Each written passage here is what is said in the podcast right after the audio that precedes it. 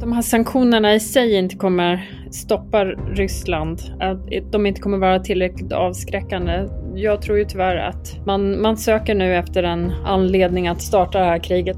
Och den som sa det var Diana Janse och det här poddavsnittet handlar om det allt mer försämrade och komplicerade säkerhetsläget. Ja, vi behöver ju inte direkt sitta och krysta fram saker att prata om just nu, för det händer ju saker hela tiden. Och vi samlar säkerhetsrådet för nya överläggningar idag med Anders Åslund, med oss från Staterna, senior fellow på Frivärd och ekonom. Diana Janse, senior fellow, tidigare ambassadör, Emanuel Örtengren, tillförordnad chef och jag som pratar heter Patrik Oksanen, redaktör för säkerhetsrådet och senior fellow. Välkomna hit till säkerhetsrådet, kära lyssnare och ni andra säkerhetsrådspanelister. Väst försöker avskräcka Ryssland från att förnya offensiven mot Ukraina efter en massiv militäruppbyggnad och det genom att hota med sanktioner. Anders, det här är ju din eh, del av världen som du kan väldigt bra, den ekonomiska, Ryssland, vad som biter. Kommer det här att kunna fungera? Eh, jag tycker att det är bra att de gör det. Men jag tror inte att det är tillräckligt för att avskräcka eh, Putin.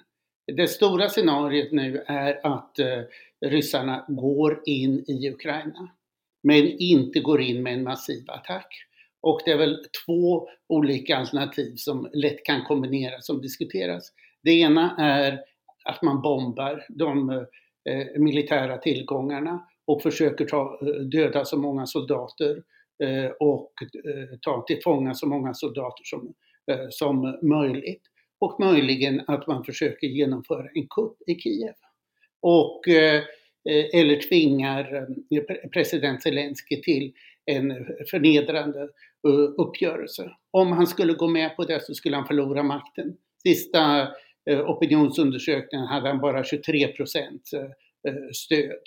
Även om det var mer än någon annan. Så han har inget utrymme att eh, eh, röra sig. Och eh, jag kan mycket väl tänka mig att Putin kommer att förlora makten på det här. Ukrainarna kommer att slåss. De har nu förberett hundratusentals soldater i ett territoriellt försvar. För de vet att ryssarna planerar att gå fram och ta, ta ut de centrala militära tillgångarna. Så därför så för, försöker man sprida ut sig så, så mycket eh, eh, så, eh, som möjligt.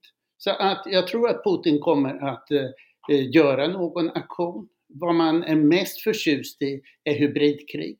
Cyberkrig tycker man väldigt mycket om. Det är bra med eh, lönnmord också. Det är bra med bombattentat. Det finns många saker som man kan göra. Men det stora massiva eh, kriget, det skulle knappast gå bra för ryssarna. Och man har inte samlat sådan kraft. Att, vad man talar om högst är 200 000 ryska soldater och det räcker inte. Det är ganska deprimerande utsikter på vad som kommer att kunna hända här. Men om, om vi stannar upp lite grann, det som väst diskuterar, då har man ju sagt att man skickar ju inte trupp, eh, men, men man pratar om sanktioner och man flaggar upp för att det här kommer att vara på en nivå vi inte har sett tidigare. Vad, vad, vad tror du att vi kan förvänta oss i, i sanktionsåtgärder? Eh, det är väl framförallt två stora grupper av sanktioner som diskuteras nu. Det ena är mer finansiella sanktioner. Och det, eh, förr eller senare så tar man bort de ryska statsbankerna från eh, eh dollarvärlden. Och det kommer de att lida kraftigt utav. Den andra typen av sanktioner är att man förbjuder export utav eh, halvledare och eh, annan elektronik eh, till eh, Ryssland. Och det kommer att få stor effekt eh, eh på no någon tid. Och amerikanerna är mycket duktiga på att genomdriva eh, sanktioner så att eh, alla anpassar sig. 2014 när man införde eh, finansiella sanktioner mot Ryssland så trodde ryssarna först att de kunde få pengar från Gulfen och från kineserna. Och det visade att han knappast kunde få någonting. För att alla de stora finansiella institutionerna opererar även i USA. Och amerikanerna skulle då se att de gav pengar till ryssarna. Så därför gav de ingenting. Eh, Emanuel, Diana, vad skulle ni vilja se mer i sanktionsväg som kan bita på Ryssland och kanske få Putin i alla fall att tveka till att, eh, att eh, växla upp och göra den här andra invasionen av Ukraina? Ja, jag tror väl som Anders att eh, visst, eh, att de här sanktionerna i sig inte kommer stoppa Ryssland. Att de inte kommer vara tillräckligt avskräckande. Som jag, jag, jag tror ju tyvärr att, att man, man söker nu efter en anledning att starta det här kriget och det är väldigt svårt att se hur Ryssland i det här läget skulle kunna backa egentligen utan att göra någonting. Eh, jag tänker mig att ja, det finns ju anledning att fullständigt eh, skanna marknaden så att säga. Att ändå se till att göra det här så kostsamt det bara går genom att se över befintliga sanktioner, se vad som kan utvidgas och så som Anders var inne på då slå mot de eh, statliga finansiella institutionerna och Swift och så vidare. Det är bara att eh, det kommer ju kosta också för för Europa och för europeiskt företagande och så vidare. Och det har vi varit inne på tidigare här på säkerhetsrådet, hur det här som slår tillbaka och kostar även oss, men det priset måste vi verkligen vara villiga att betala. Mm. Nej, och det är det mycket som... av diskussionerna kommer handla om, eh, tror jag, eh, med mm. att få ihop en enighet kring, kring det här så att priset blir så högt det mm. bara går.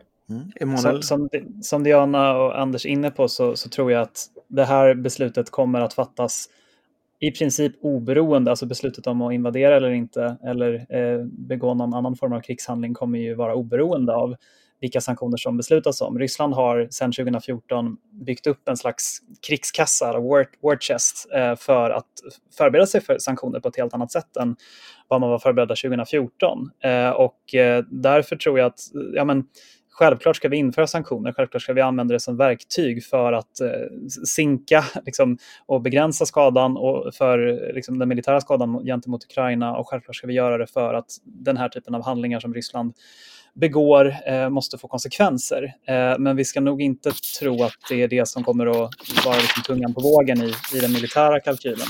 Eh, jag såg att Anders ville, ville tillfoga någonting till det också. Jag tänkte säga eh, två saker till eh, ekonomiska effekten.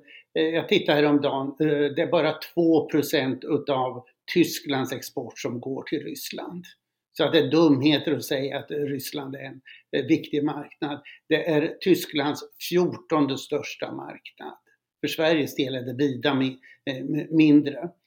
Och det andra är, där Ryssland är viktigt, det är med gastillförseln och, och olja. Så att eh, 40 procent utav EUs gas kommer från, eh, från Ryssland. Och Ryssland under förra året minskade eh, sin eh, export med ungefär en fjärdedel utav det för att Europa skulle få svårigheter. Och eh, e EU-kommissionen har då varit fullkomligt tyst, har inte gjort någonting. Och om Eh, väst verkligen tar, eh, ser till att Ryssland inte har tillgång till eh, dollar längre. I så fall kan Ryssland helt enkelt stoppa gastillförseln eh, eh, som man gjorde under två veckor i januari 2009. Så gastillförseln är det stora hotet. Och där var, har ju Ryssland varit ute idag, eller om det var igår, och signalerat då från, från jag tror att det var det ryska nationella säkerhetsrådet att rör ni Swift så, så rör vi gaskranen. Precis. Diana, du nickar.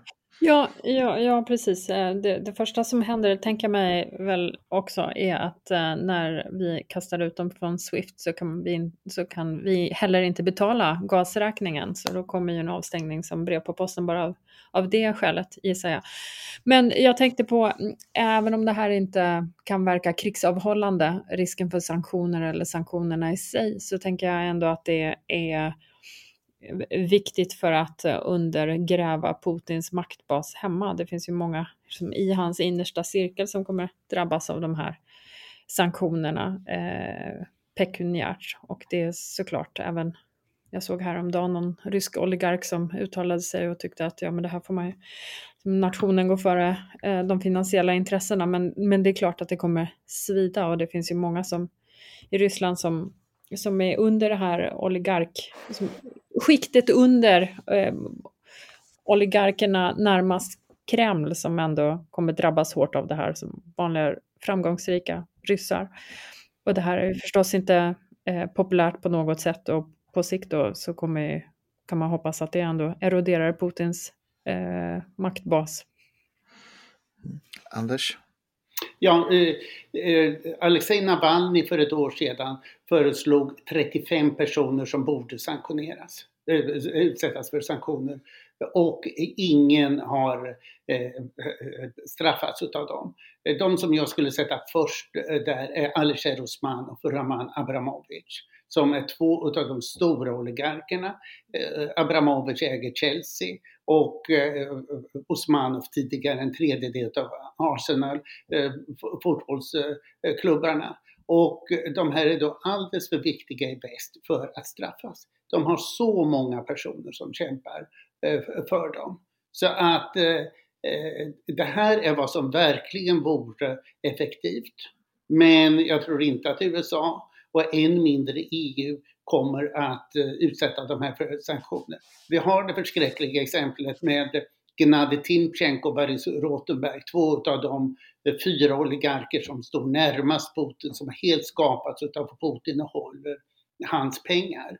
Eh, USA utsatte dem för sanktioner eh, Eh, mars 2014 och Putin beklagas över det här åtminstone fem gånger offentligt hur illa hans vänner behandlades. Så att eh, där såg man det här, kändes verkligen.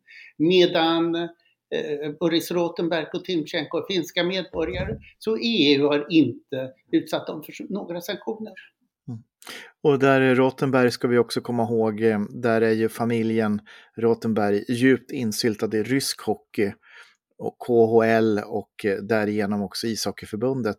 Eh, när eh, det var eh, Euroleague, eller vad det nu heter, jag ska, hockeyintresserade lyssnare får, får, får jag be om ursäkt på förväg här.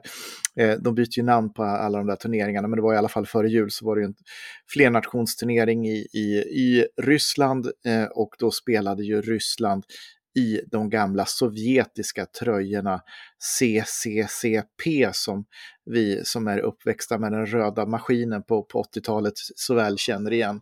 Eh, och det här gick Sverige med på. Tre Kronor spelade mot, mot CCCP. Eh, och i min värld är det ungefär som att eh, Svenska fotbollsförbundet tyckte att det var helt okej okay att möta ett nostalgiskt Tyskland som spelade samma dräkter som Berlin-olympiaden 36. Men det är väl en illustration över hur sport, oligarker och maktutövning hänger ihop. Eh, låt mig tillägga att Boris Rotenberg äger eh, ishockeystadion i Helsingfors. Så amerikanska eh, diplomater får inte gå på ishockey i Helsingfors. Mm. Eh, eh, jag tänkte att vi ska fortsätta snacka lite mer ekonomi här också. Eh, från väst sida, EU, USA eh, och sen så eh, NATO och, och, och länder, eh, olika länder då träffades ju Eh, i början av veckan och, och, diskuterade också sanktioner och så. Men, men hittills har man inte varit tydlig med vilka sanktionerna blir, bara att de blir omfattande och sen så cirkulerar olika varianter. Ska vi tolka det som att det är en strategisk klurighet att hålla Ryssland i osäkerhet och spekulera i vad som kommer? Eller ska vi tolka det som att man faktiskt har svårt att komma överens och inte vill binda sig någonting innan man har sett vad Putin gör för nästa drag? Det tror jag att det är nog en del, eh, ligger nog en del i båda de alternativen. Eh, och jag tror också att eh, det, vad, jag har, vad jag har hört eh, är att man arbetar fram olika scenarion. Så beroende på vilken typ av angrepp det är fråga om så finns det liksom, här finns ett sanktionspaket för en regelrätt invasion, här finns ett sanktionspaket för eh, mer av liksom någon slags cyber eller hybrid och så vidare. Eh, så jag tror inte att man ska, man ska tolka det som att det, eh, det, det, bara är så att det är svårt att komma överens, även om det spelar roll. Vi vet ju att Tyskland har vacklat lite fram och tillbaka kring, ska man sanktionera Nord Stream 2 till exempel? Eh, men bara senaste dagarna så har man ju börjat bli lite tydligare. Eh, igår kom ju det som Anders refererade till tidigare till exempel att eh, man från amerikansk sida då är öppen med att man förbereder man förbereder att använda sig av en regel som kallas för Foreign Direct Product Rule om jag minns rätt, som då är de här sanktionerna på halvledare. Och det skulle ju göra det väldigt, väldigt svårt för ryska företag att tillverka någonting som kräver sådana här halvledare, vilket väldigt mycket elektronik idag gör. Så det skulle ju vara en ganska eh, hård sanktion. Men eh, jag tror säkert att eh, Diana och Anders har mer att säga om det här. Ja, jag tänker ju att eh, att jo, det är bra att det finns en eh, enighet kring sanktioner, men jag tror att det kommer bli, eh, inte bli smärtfritt att komma överens om tillräckligt kraftiga sanktioner för att det verkligen ska, ska kosta ordentligt. Eh, jag tycker de, alla de tendenserna har funnits tidigare. Eh, det har varit svårt att komma överens om sanktioner tidigare. Jag tror också att eh, utifrån en rysk perspektiv är det väldigt eh, eh, välvald tidpunkt. Vi har ingen Merkel som, som leder Europa på det sätt hon har gjort genom den ena krisen efter den andra. Istället har vi en ny förbundskansler i Berlin. Vi har en fransk president som snart ska ha val. Eh, britterna har lämnat EU. Eh, ja, jag, jag, tror att tyvärr att det kommer bli svårt att få, ihop det här.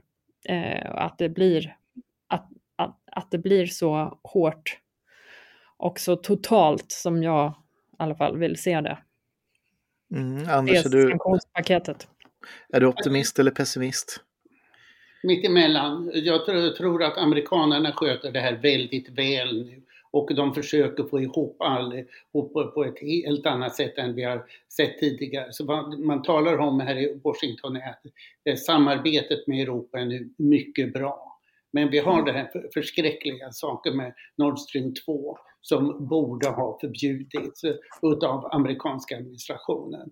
Och eh, eh, då ägnade sig tre utav USAs högsta eh, diplomater åt en vecka åt att eh, eh, se till så att kongressen inte förbjöd Nord Stream 2.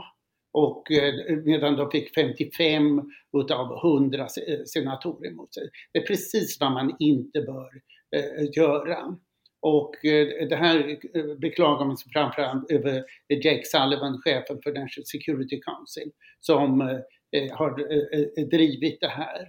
Och eh, Nord Stream 2 är ett eh, rent geopolitiskt projekt och eh, ett korrupt projekt och det drivs av Gerhard Schröder i Tyskland och Mattias Warnig, Putins Stasi-vän från, från Dresden, från mitten av 80-talet och de här två personerna borde sanktioneras.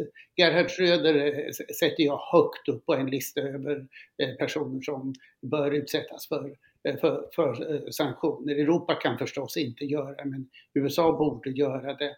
Men eh, på grund av att Trump var så förskräcklig mot tyskarna så försöker nu Biden-administrationen överkompensera och den, idag är det tyskarna som är det största problemet.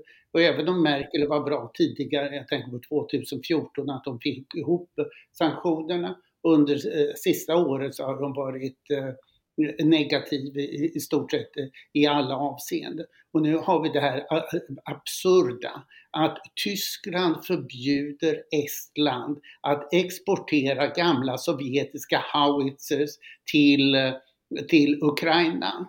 Och istället så du, eh, eh, skicka, har de idag beslutat att skicka 5000 hjälmar till Ukraina. Någonting som är lagom, lagom de, eh, defensivt och lagom litet för eh, tyskarna. Alltså, Cykelhjälmar då, utgår jag ifrån? Eh, jag förmodar det så att de inte är alltför starka. så det inte kan att, klassificeras som krigsmateriel? Ja, så, och att eh, Tyskland vägrar att eh, skicka någon krigsmateriel i övrigt eh, till, eh, till Ukraina och till och med har förbjudit NATO eh, Eh, att använda sin eh, eh, inköpsapparat för Ukraina. För att korruption, vapeninköp är ett stort problem i många länder och inte minst eh, i Ukraina. Så därför är NATOs inköpsapparat ett viktigt stöd för Ukraina som tyskarna nu inte tillåter. Så att det här är den stora splittringen. Och Biden-administrationen dessvärre tror att Europa är Tyskland. Och eh, det, det, här är, ser jag som ett stort problem. Jag ska bara flika in kort innan Diana kommer in och, och bara förtydliga dig Anders. Eh, den amerikanska kongressen kan inte förbjuda Nord Stream-ledningen men det handlade om ett, ett, att lägga sanktioner eh, mot ledningen och, och det som så att säga möjliggjorde ledningen. Eh, bara så att de, lyssnarna, kan, inte, får, lyssnarna inte kan missförstår dig. De kan egentligen förbjuda det. Så att om de hade eh, lagt sanktioner på Nord Stream 2 AG, själva bolaget, så får inte eh, bolaget, blockerande sanktioner, får bolaget inte operera i, eh, i eh, dollar. Och då kan det inte fungera. För varje stort internationellt företag måste operera i dollar. Det andra var att Mattias Varni, chefen, skulle utsättas för, för, för sanktioner. Men det viktiga var själva bolaget. Så istället har man eh, lagt sanktioner på ett stort antal fartyg som engagerar detta. Och det spelar ingen roll, för de bara åker då mellan Ryssland och eh, Öster, Östersjön och eh, har inte någon kontakt med utlandet. Mm. Jag ville bara att ett förtydligande vad det handlar om skulle bli, bli tydligt för lyssnarna så att ja. eh, de eh, hänger med där. Diana, varsågod. Ja, jo, jag, jag tror väl som Anders eh, och hoppas att det är så att eh, USA kommer vara lokomotivet i att vi också i Europa snabbt får ihop ett sanktionspaket eh, ändå. Eh, det tror jag också, men jag tror också, och jag, eh, om man tittar på sanktionerna efter Krim, ja de var bättre än sanktionerna efter Georgienkriget som inte var några sanktioner alls. Men eh, det, ja, det, alltså, vi måste ju i Europa inse att vi har kommit till en sanningens minut här. Vi har ju pratat om att det här är system, att Ryssland är systemrival och att vi måste stå upp för våra värderingar och liksom den liberala eh, demokratiska ordningen och så vidare som, vi, som styr våra stater. Och som, vi har ju kommit till en sanningens minut här nu. Det är ju inte... Det är ju, det är ju verkligen ett avgörande eh, en avgörande tidpunkt i Europas historia där vi måste ta sida. Och liksom den här eh, Rysslands, de här Rysslands apologeterna, de, de eh, får gå hem och göra sin läxa helt enkelt. Nej, men det, det, jag, jag blir verkligen bestört när ja, det som har kommit ut från Tyskland den här veckan har ju inte varit smickrande på något vis. Jag tänker på den här eh, Eh, marinchefen som uttalade sig och genast fick avgå. Den typen av tankar som ventileras både här och där. Så det är ju, ja, det är, vi, vi står vid ett vägskäl och nu är det dags att, att visa färg, vad vi, vilken sida av historien vi vill stå på den tyske marinchefen som Diana Janse där refererar till var på besök i Indien och på en tankesmedja och det spelades in och han gav uttryck då bland annat för att Krim är ryskt, det är kört eh, och att väst behöver Ryssland för att samarbeta mot Kina och eh, Putin vill bara ha respekt och låta och låt oss ge oss eh, den respekten, eh, sa han bland annat. Och eh, där får man ju då konstatera att den tyska eh, eh då Bundeswehr och, eh, och den tyska försvarsministern agerade ju ganska snabbt så att han, det där var ju på fredagen och på lördag kväll hade han avgått och lämnat in efter mycket, mycket starka reaktioner. Och han har ju fått eh, lite, lite tillmälesnamn på, på Twitter som eh, Amiral von Ribbentrop och eh, Amiral von Schneider för er som har sett på Grevinnan och betjänten på, på nyårsaftonen. Eh, bara en kort eh, förklaring till vad, vad Diana där refererade till. Men jag, jag, tänkte, jag tänkte att vi skulle stanna kvar i, i det här med dags att vakna upp och sanningens ögonblick. För Diana, dig lyssnar man inte på i Italien. För när vi sitter och pratar om det här så, så ska ju eh, det italienska näringslivet ha möte på med video eh, med, med självaste Vladimir Vladimirovich Putin för att diskutera ekonomiska förbindelser med Ryssland. Och det här är ju cheferna för eh, eh Pirelli, eh, Generali, Unicredit med mera, med mera. Det är som att de sitter och sjunger We shall overcome i det här läget.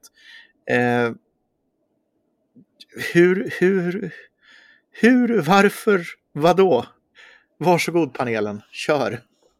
Men det här sätter ju fingret på det stora problemet vi har. Alltså det stora problemet är egentligen inte vad, eh, eller ja, det är klart att det är ett stort problem vad, vad, vad Ryssland gör och eh, liksom oberoende av väst, men det stora problemet är ju, är ju beroendet och sammanblandningen. Dels att vi ju faktiskt har eh, liksom, ryssar, eh, oligarker och deras familjer som har blivit rika till följd av att de är en del av Putins närmaste krets, som har sina pengar i, i västerländska banker, som har liksom, stora fina fastigheter här på Rivieran, lägenheter i London och liknande.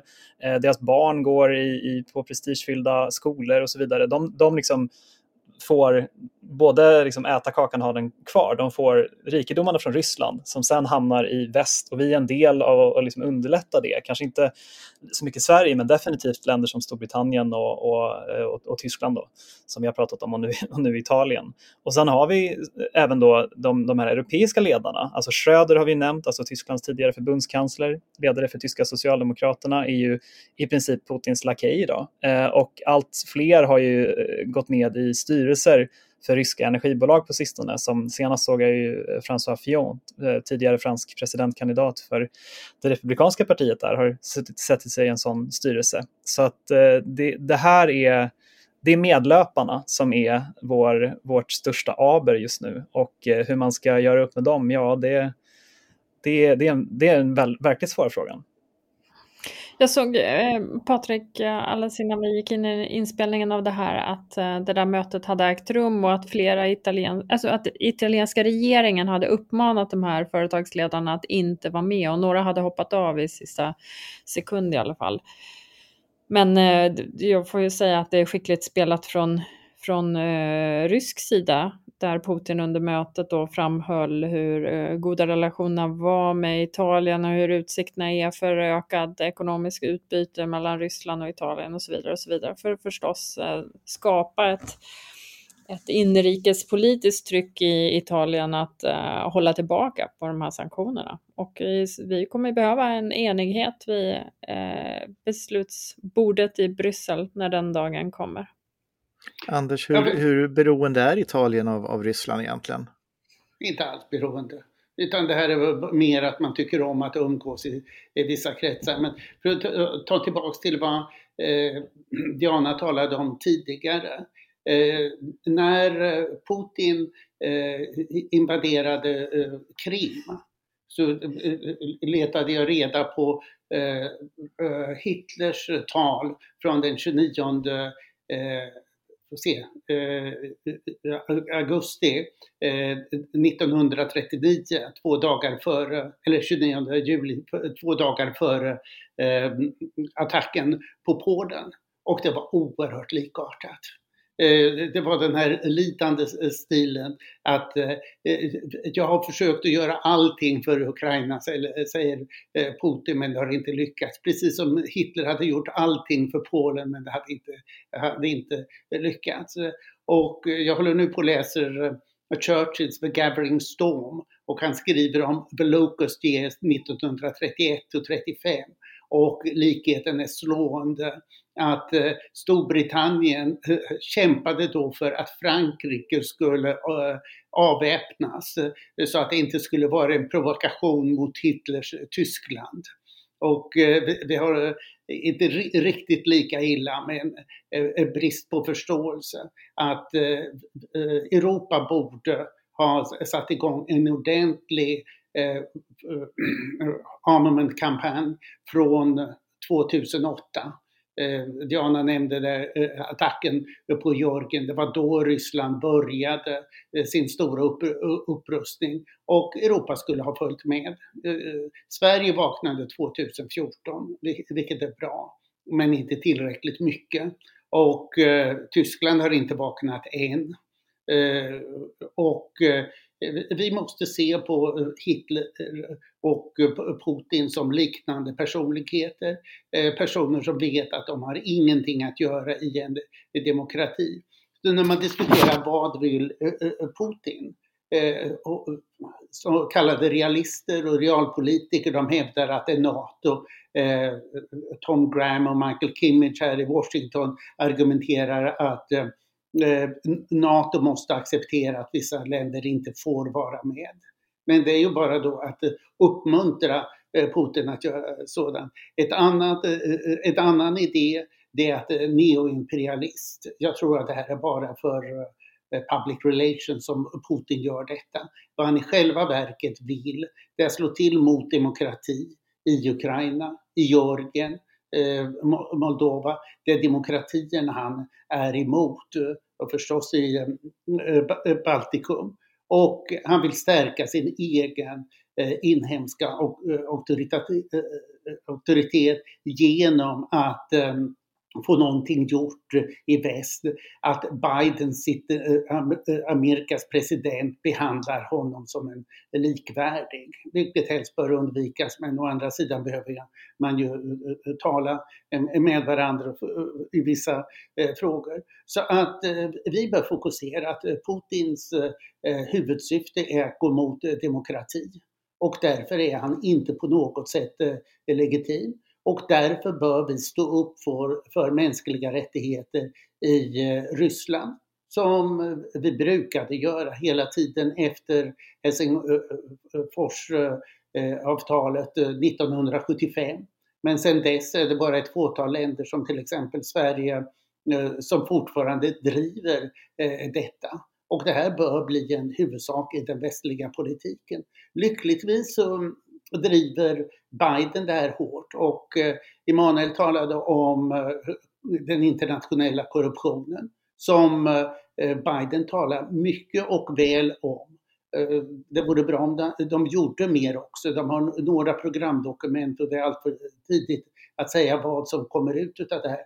Men det finns en triljon ryska privata pengar utomlands svarta pengar som i huvudsak är investerade i USA och Storbritannien. För där finns det, i USA finns det miljoner eh, eh, hemliga bolag, anonyma bolag som ingen vet vem som äger. Som amerikanska myndigheterna avslöjade eh, nyligen att eh, det var ett höghus på Manhattan som ägs utav eh, Irans Revolutionary Guards.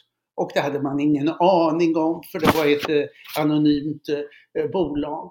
Och eh, talar om barnen som hamnar på goda universitet. Eh, en rad oligarker har sina barn på Yale. Det kostar ungefär en miljon per barn eh, för att få in dem på, på Yale. Och det här är en full, fullkomligt laglig eh, transaktion. Så jag känner åtminstone tre oligarker som har sina barn på, eh, på, på Yale, flera, flera stycken. Och eh, på eh, eh, Harvard till exempel är 40 procent av studenterna som kommer in på vad som kallas legacy, som betyder antingen att deras föräldrar har gått där och gett donationer eller att de har bara, eh, föräldrarna bara gett donationer. Så eh, USA mycket som behöver rensas upp. Då säger jag Sigurd in bad låt oss eh, se till att Ukraina-krisen åtminstone eh, ser till att eh, blir startskottet för att rensa upp i det här eh, moraset, det här träsket. Ja, och det låter ju lite grann som den, den, den klassiska devisen eller eh, citatet från Lenin och fritt från minnet så är det väl eh, att den sista kapitalisten kommer att sälja oss repet vi hänger honom i. Eh, I, i form av, av, av detta. Eh, det händer ju mycket i världen och även med kopplingar till Ryssland. Jag tänker att vi nu ska förflytta oss till Afrika och Mali. Diana, du har varit ambassadör där. Där har ryska Wagnergruppen kommit, kanske för att stanna också. Vad leder det till? Det leder till att eh, Mali befinner sig ännu mer på ett sluttande plan. Wagnergruppens eh, ankomst är bara toppen på ett eh, isberg av en, ja det blir ingen bra liknelse, men det, det, det är ju ytterligare en del av en usel utveckling de, bara den senaste månaden. Mali har ju gått eh, ut för under en längre tid, men den senaste månaden så har eh, eh Mali svar, den maliska militärjuntan lovade när de tog eh, över, när de tog makten i augusti 2020, så eh, i hårda förhandlingar med den regionala säkerhetsorganisationen Ecowas, att de skulle lämna, ordna parlaments och presidentval senast i februari i år. Och nu har det ju kommit fram att eh, så, så blir det inte. De tecknen kunde vi se på väggen under en lång tid eh, innan dess, men alldeles innan nyår så åkte Malis utrikesminister till eh, Accra, det är Ghana som är ordförande i Ecowas nu, och sa att nej men vi vill ha fem år till på oss innan vi eh, ser till att det blir några val och en återgång till den konstitutionella och demokratiska ordningen. Och det fick Ecowas att eh, eh, gå i taket. De kallar det här helt eh, oacceptabelt. De införde hårda sanktioner, Eh, finansiella sanktioner, de frös eh, maliska statens tillgångar, statliga företags tillgångar, de stängde gränserna, eh, gjorde finans finansiella transaktioner mellan Mali och Ecowas-staterna omöjliga med några undantag, mat, bränsle, eh, mediciner och eh, stängde gränserna som sagt och eh,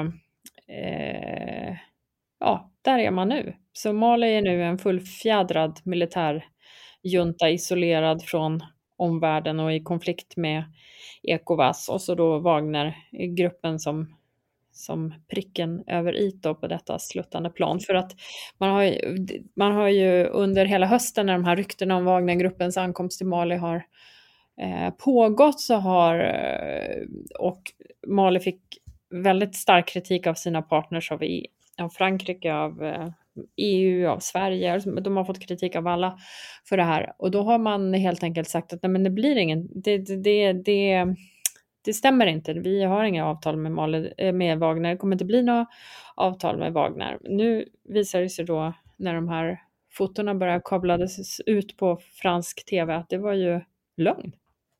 Det gör inte hela den här situationen bättre eller stämningen mellan Mali och partners bättre på, på något sätt. Mm, och i lördags var det också en granatattack mot Gao där en soldat från en annan nation dödades, eh, fler skadades, ingen svensk dock, men vi har ju personal där som tillhör både FN-insatsen Minusma och Task Force eh, Takuba, den franska eh, insatsen. Eh, i, i, och i söndags så drabbades också då kampen i Menaka av ett angrepp, inga svensk skada där heller. Och där finns också svenskar från, från Task Force Takuba. Hur farligt är det här försämrade läget skulle du säga? Ja, det är ju farligt. Det är ju en farlig eh, insats och eh, det, säkerhetssituationen har ju blivit sämre och sämre för varje månad som har gått och det är då trots att landet styrs av en militärjunta som ändå borde ha alla verktyg i sin verktygslåda och ha sin spetskompetens på de här frågorna. Eh, de har inte heller lyckats, trots att de har prioriterat säkerhetssituationen, de har inte heller lyckats leverera en bättre säkerhetssituation. Så det, det, är, det, är, det är en dålig situation. Det som började med ett uppror uppe i norr 2012 som var oroligheter och stridigheter i norr har flyttat sig till de centrala delarna och nu allt mer också i de södra delarna och det är de södra delarna som befolkningstätheten är som, som störst är där 90 procent av befolkningen bor. Så att eh, det, det blir gradvis sämre. Jag vill säga det, du berättar återge vad som hände i lördags. Jag vill bara säga en sak också som hände i, i, igår var det väl. Och det var alltså i tisdags. Eh, för vi spelar in det här onsdag kväll. Då, då blev det en, också en militärkupp i grannlandet Burkina Faso. Och det här är också en sån här eh, tycker jag då en indikator på att vi kanske inte har svarat eh, tillräckligt hårt eh, och avskräckande i våra, vår respons på den här kuppen i Mali. Det har ju varit sedan kuppen i Mali eh, den första kuppen har varit två där. Eh, augusti 2020 så har det varit en militärkupp också i Guinea och nu då också i Burkina Faso. Så det här är ju en farsot som sprider sig dessutom. En, en kort runda till panelen. Ehm, ska Sverige fortsätta vara kvar i Mali med militärtrupp? Ja eller nej och kort motivering?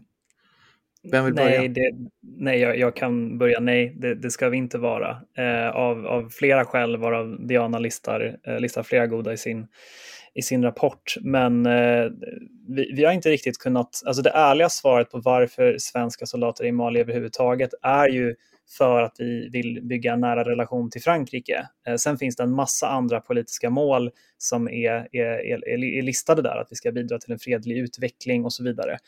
Men det finns ju inga förutsättningar för det just nu. Alltså, man kan inte hjälpa någon som inte vill bli hjälpt. Och faktum är att utvecklingen i Mali har ju bara gått åt gått åt fel håll. Eh, Diana tar ju upp det i sin rapport att man skulle hållit eh, demokratiska val nu i februari. Man har haft, eh, efter den här militärkuppen 2020 så har man haft ett övergångsstyre och så har man sagt att inom 18 månader ska vi hålla ett val. Det löftet har man inte uppfyllt.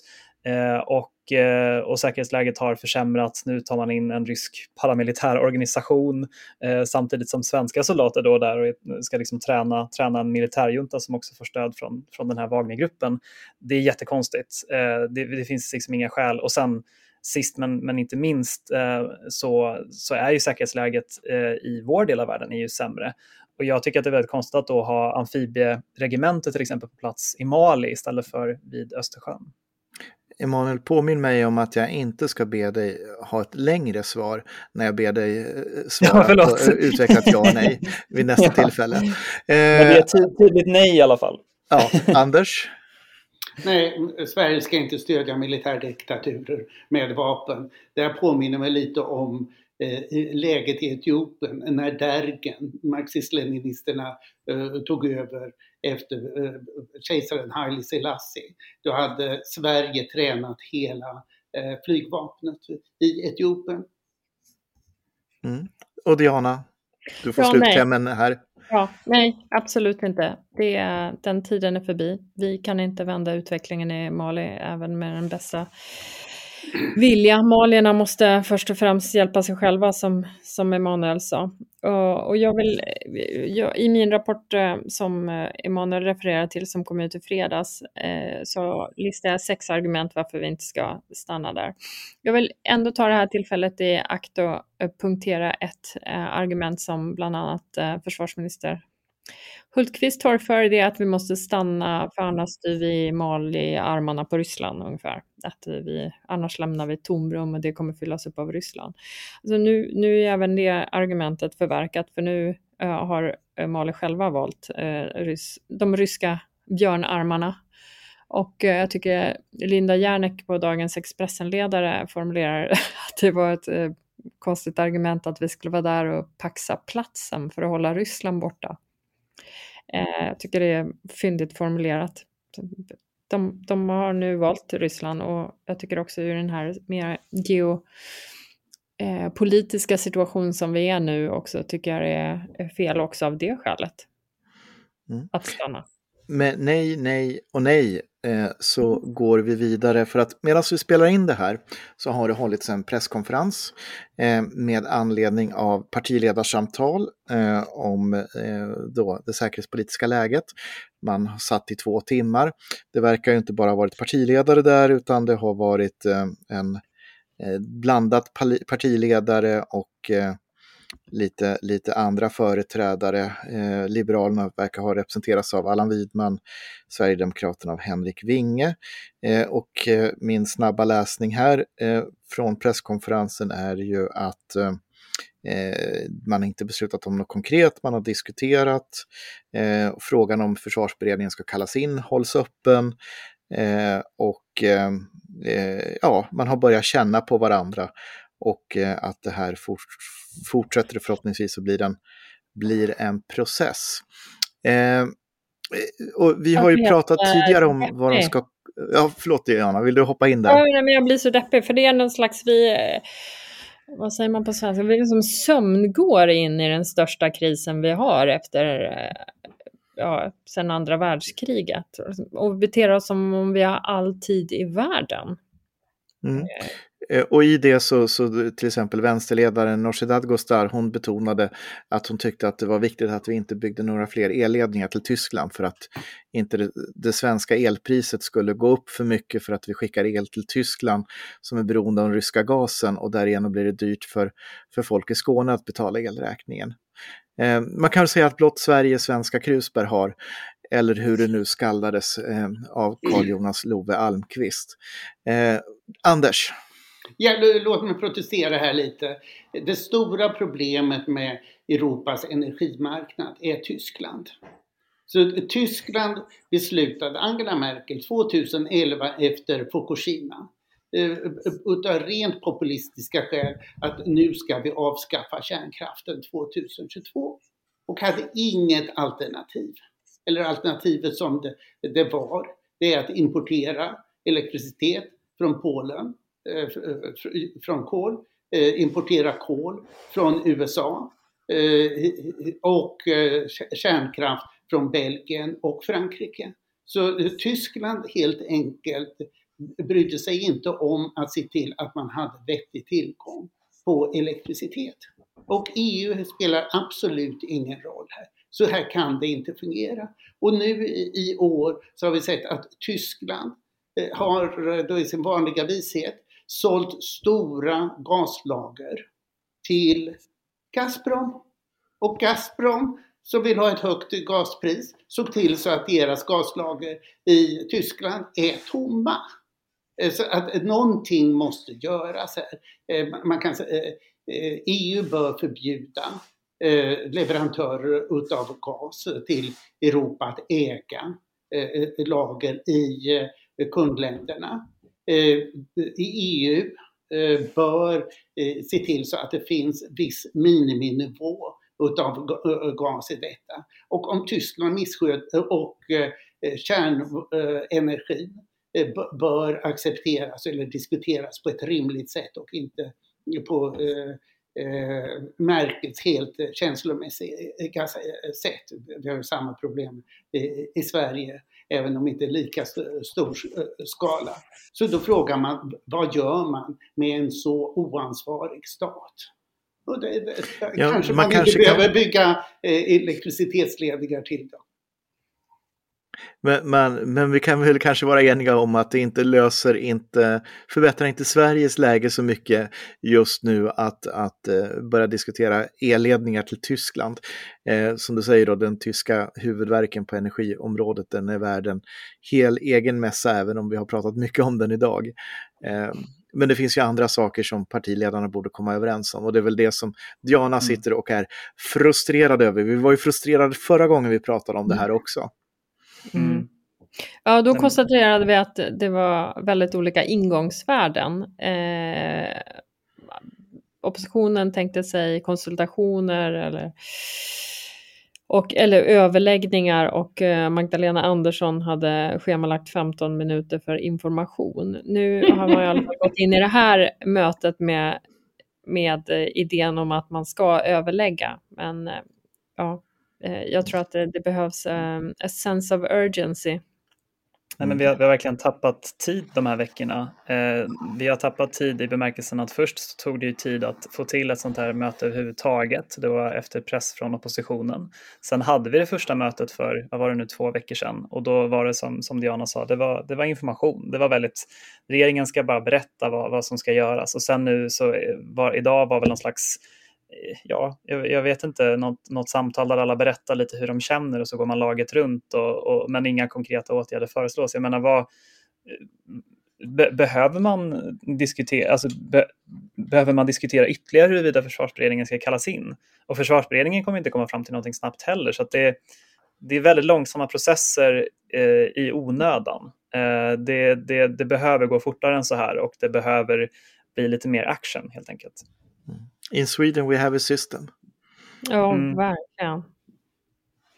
Eh, en, en sak som det har pratats om apropå beredskap så är det ju, kom ju nyheten här i veckan att finansmarknadsminister Max, Mats Elger har haft extra möte med Riksbanken, Finansinspektionen och Riksgälden med tanke på läget. Anders, vad är din, din bild av vad, vad, vad kan man göra på den finansiella sidan för att förbereda sig?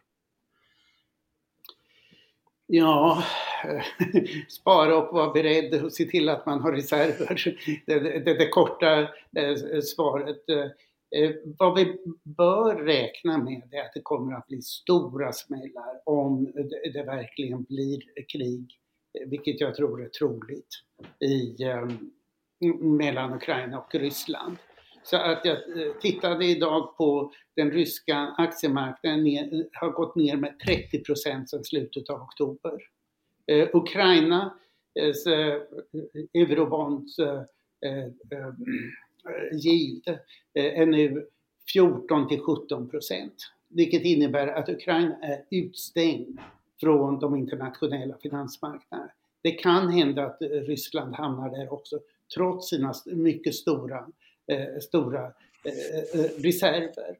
Men det stora som vi bör vara rädda för det är att Ryssland kommer att stoppa eh, gasleveranserna till Europa som vi diskuterade eh, eh tidigare. Och eh, man gjorde det mm, mycket lyckosamt under två veckor i januari 2009.